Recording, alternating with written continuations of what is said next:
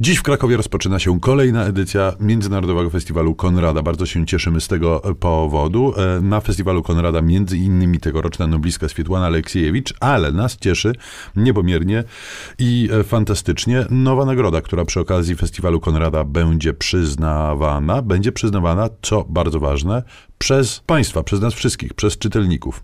Otóż nagroda ta, nagroda imienia Konrada, jak e, domyślać się pewnie możemy, to nagroda dla debiutantów. Piątka debiutantów została wyłoniona przez grono jurorskie i z tejże piątki główna nagroda ma być wyłoniona przez czytelników. Prosimy więc o branie udziału w głosowaniu, a my szybciusieńko przedstawimy pięciu nominowanych debiutantów. Się ładnie złożył, że akurat pięciu. Do piątki nam pasuje. I zacznijmy od Aleksandry Zielińskiej przypadku Alicji. To jest książka, która jakoś tam została zauważona w roku jej wydania, czyli w 2014, ale chyba niedostatecznie myślę, bo to rzecz bardzo ciekawa. Ona ma elementy powieści obyczajowej, powieści grozy w jednym. Jest to historia młodej dziewczyny, która no, przeżywa nieplanowaną przygodę natury erotycznej z konsekwencjami y, dość poważnymi tejże przygody. Okazuje się, że jest w ciąży i musi sobie z tym jakoś poradzić. Niespecjalnie sobie psychologicznie radzi, tak powiedzmy.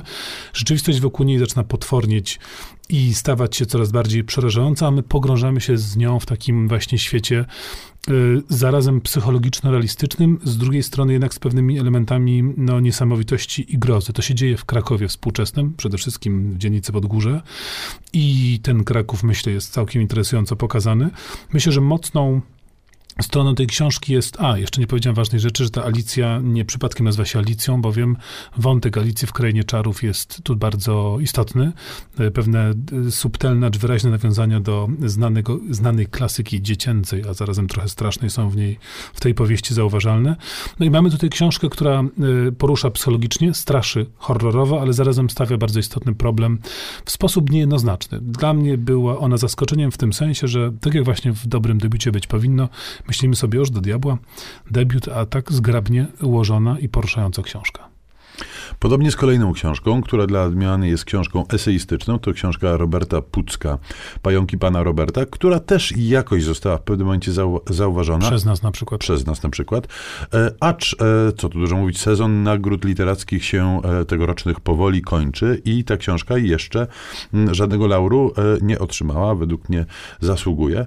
M, I co, jest to m, bardzo nietypowa rzecz, chciałoby się powiedzieć, bo są to eseje o e, o pajączkach. E, przenosimy się z Krakowa. Nie pajączkach, nie tak protekcyjnie, pająkach. O pająkach. Przenosimy się z Krakowa e, na wieś kielecką, gdzie e, pan Robert obserwuje małe stworzonka, z którymi dzieli swój podleśny domek, a jednocześnie zastanawia się, co one oznaczają, sięgając chociażby do intelektualnej spuścizny europejskiego oświecenia.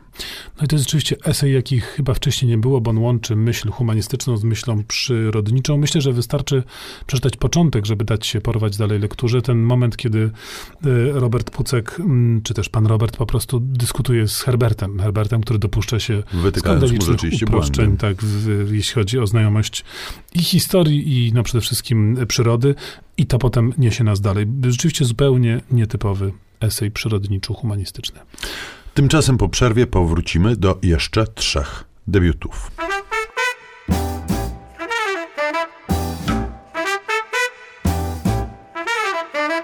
Piątka z literatury. Polecają Szymon Gloszka i Tomasz Pindel z Instytutu Książki. Pięciu nominowanych do Nagrody Konrada. Przypominamy, że należy głosować na swojego faworyta. E, jeszcze trójka przed nami. No i y, trzeci, Michał R. Wiśniewski z y, powieścią Jetlag. To jest rzecz ciekawa, bo dotyczy no, w naszej współczesności, tej najpowszechniej nam dostępnej współczesności wielkomiejsko-korporacyjno, współczesno-technologiczno-ludzko-społecznej. Wielu pisarzy mierzy się z tym tematem, bo to naturalne, reagujemy na to, co nas otacza i myślę, że Wiśniewski jest jednym z w sumie nielicznych, którzy wychodzą z tej próby zwycięsko. Ta, ta powieść nie ma takiej typowo powieściowej struktury, nie ma wyraźnej wyraźnej fabuły i wyraźnej linii. Tam jest tak jakby szereg epizodów, które się układają w przemyślnie y, skombinowaną i utrzymaną bardzo precyzyjnie całość i stanowią pewnego rodzaju refleksję nad tym właśnie, co, co się wokół nas dzieje. I to nie jest jakieś łatwe naigrywanie się z rzeczywistości, chociaż element krytyki wyraźnie można tam wyczuć. Jest to właśnie głębsze, jest to ciekawsze, świeższe i myślę, że w tym sensie Wiśniewski jako właśnie um, taki fotograf rzeczywistości, ale fotograf przetwarzający ten obraz w bardzo literacki, wykoncypowany sposób jest bardzo interesujący. Podobnie zresztą z kolejną książką na naszej liście, bo to obserwacja dnia codziennego Obserwacje prowadzone przede wszystkim w trakcie spacerów e, z psem, ale nie tylko. Michał Cichy i Zawsze jest dzisiaj to książka, która została już dostrzeżona przez e, krytyków i zresztą nagrodzona Nagrodą Literacką Gdynia. E, książka bardzo urocza, bo ona właśnie wyławia z wielkomiejskiej, warszawskiej rzeczywistości te rzeczy, które nam na co dzień umykają. A więc z takim zacięciem godnym Mirona Białoszewskiego chciałby się powiedzieć, Michał mm, Cichy obserwuje otaczającą go florę i faunę dużego e, miasta.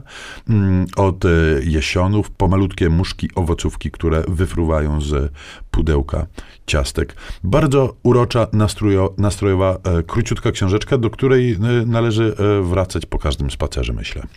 No i na koniec piąta książka nominowana, piąta kandydatka, Liliana Hermec i jej Alicyjka. To nam się ładnie układa, bo zaczęliśmy od Alicji i Alicją kończymy. Alicyjką kończymy, Alicyjką. tak.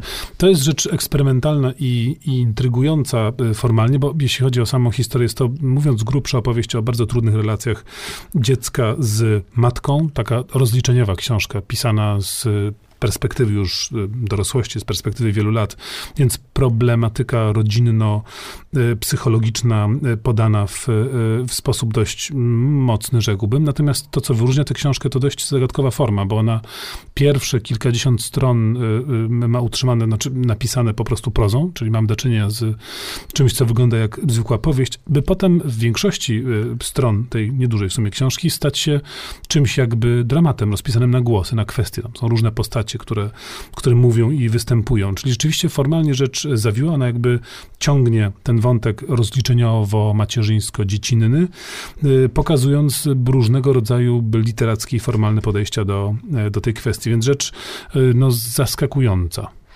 I tyle my. My zrobiliśmy swoje, przedstawiliśmy piątkę nominowanych do nagrody Konrada. Namawiamy Państwa do głosowania, co czynić można via strony internetowe Festiwalu ja Konrada. Ja też, ale nie powiem na kogo. Ja też nie mogę. Pozdrawiamy. Szymon Kloska i Tomasz Pindel.